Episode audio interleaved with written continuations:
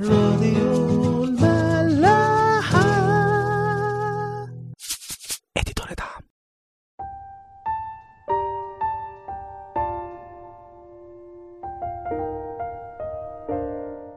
أهلا بيكم في حلقة جديدة من عيش وملح. ابتدينا آخر مرة في الإصحاح السادس من سفر ملوك أول وحكلنا عن بدء سليمان في بنى الهيكل. وابتدى يحكي لنا عن شكل الهيكل وأبعاده والتخطيط العام ليه وقلنا عشان نساعد نفسنا على التأمل في موضوع الهيكل ده إننا نفتكر إننا نفسنا هياكل لربنا. وإزاي المفروض نبني نفسنا؟ زي ما سليمان بنى الهيكل. واتكلم الإصحاح كمان عن إزاي أي أعمال فيها إزعاج أو دوشة مثلا دق بشاكوش أو أزميل كانوا بيعملوها في مكان بعيد ومجرد بيجوا في الهيكل يركبوها. وده عشان يحافظ سليمان على الهدوء والخشوع بتاع المكان بتاع ربنا. بعد كده بيكمل الإصحاح في تفاصيل أكتر عن الهيكل. بس قبل ما بيخش في التفاصيل دي بيحكي لنا إن ربنا كلم سليمان. خلونا نقرأ مع بعض أعداد 11 ل 14 ونشوف بيقول إيه. وكان كلام الرب إلى سليمان قائلا هذا البيت الذي أنت بنيه إن سلكت في فرائدي وعملت أحكامي وحفظت كل وصاياي للسلوك بها فإني أقيم معك كلامي الذي تكلمت به إلى داود أبيك. وأسكن في وسط بني إسرائيل ولا أترك شعب إسرائيل. فبنى سليمان البيت وأكمله. ربنا هنا زي بيوجه سليمان وهو بيبني الهيكل لحاجة مهمة. فبيقول له البيت ده اللي أنت بتبنيه لو حفظت الوصايا بتاعتي ومشيت بيها أنا هعمل بكل كلامي مع داود أبوك. وهسكن في وسطكم وعمري ما هسيبكم حاجتين مهمين قوي بنلاحظهم هنا. إنه بالرغم من تقدير ربنا للتفاصيل اللي بيعملها سليمان إنما الوصية اللي قالها له وهو بيبني ما كانتش إنه ياخد باله من التفاصيل دي أو إداله تفاصيل تانية يزودها إنما ركز قوي على الروح اللي جوه المبنى ده وهو في الوصايا بتاعته.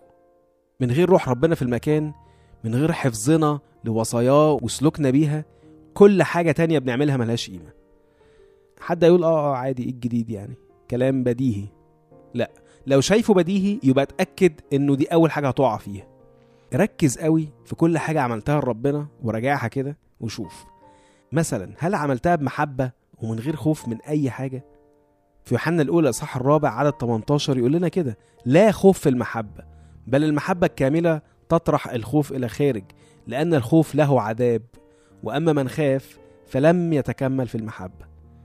طب هل في الخدمة دي زعلت حد؟ متى 5 23 المسيح يقول لنا كده فإن قدمت قربانك إلى المذبح وهناك تذكرت أن لأخيك شيئا عليك فاترك هناك قربانك قدام المذبح واذهب أولا اصطلح مع أخيك وحينئذ تعال وقدم قربانك طب هل كنت حقيقي في الخدمة دي ولا مرائي؟ في مرقس سبعة أعداد ستة لتمانية يقول كده حسنا تنبأ أشعياء عنكم أنتم المرائين كما هو مكتوب هذا الشعب يكرمني بشفتيه وأما قلبه فمبتعد عني بعيدا وباطلا يعبدونني وهم يعلمون تعاليم هي وصايا الناس لأنكم تركتم وصية الله وتتمسكون بتقليد الناس غسل الأباريق والكؤوس وأمور أخرى كثيرة مثل هذه تفعلون وأمور تانية كتيرة كمان إحنا بنعملها بنترك وصية ربنا وبنتمسك بوصايا الناس وتقاليد الناس. طب هنفترض إن كل ده مفيهوش مشكلة. طب لما خلصت الخدمة دي أو الحاجة دي لربنا هل أخدت أي مجد لنفسك؟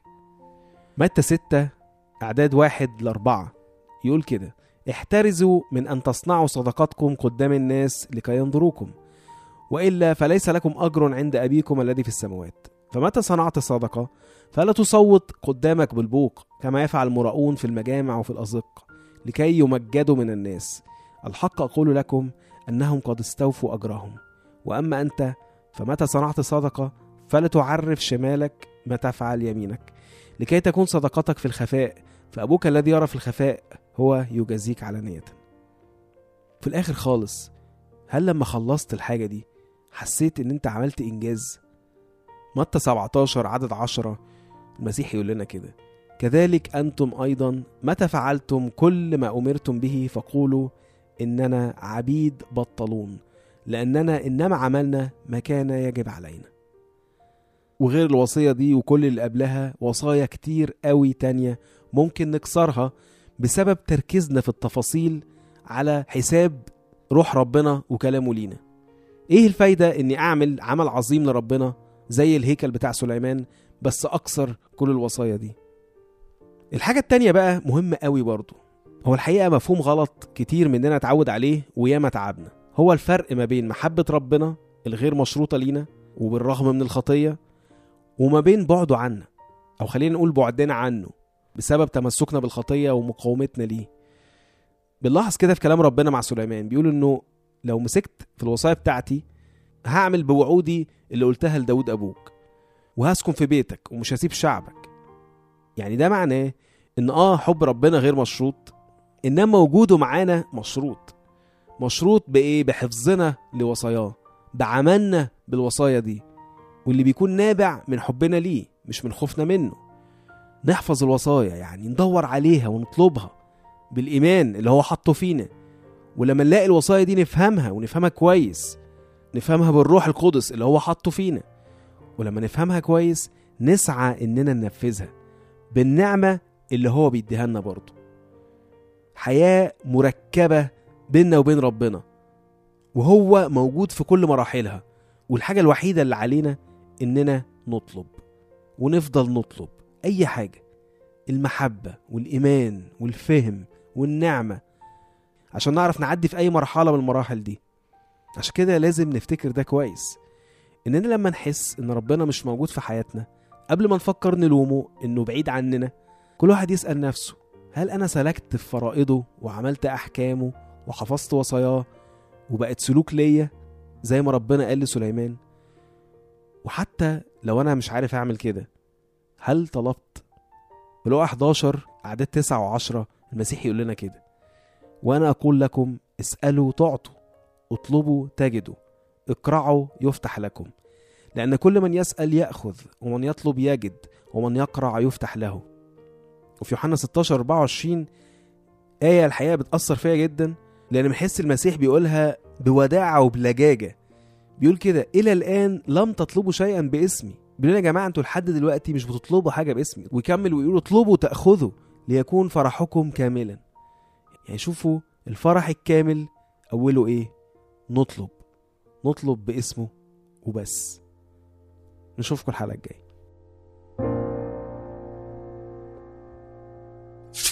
راديو ملاح.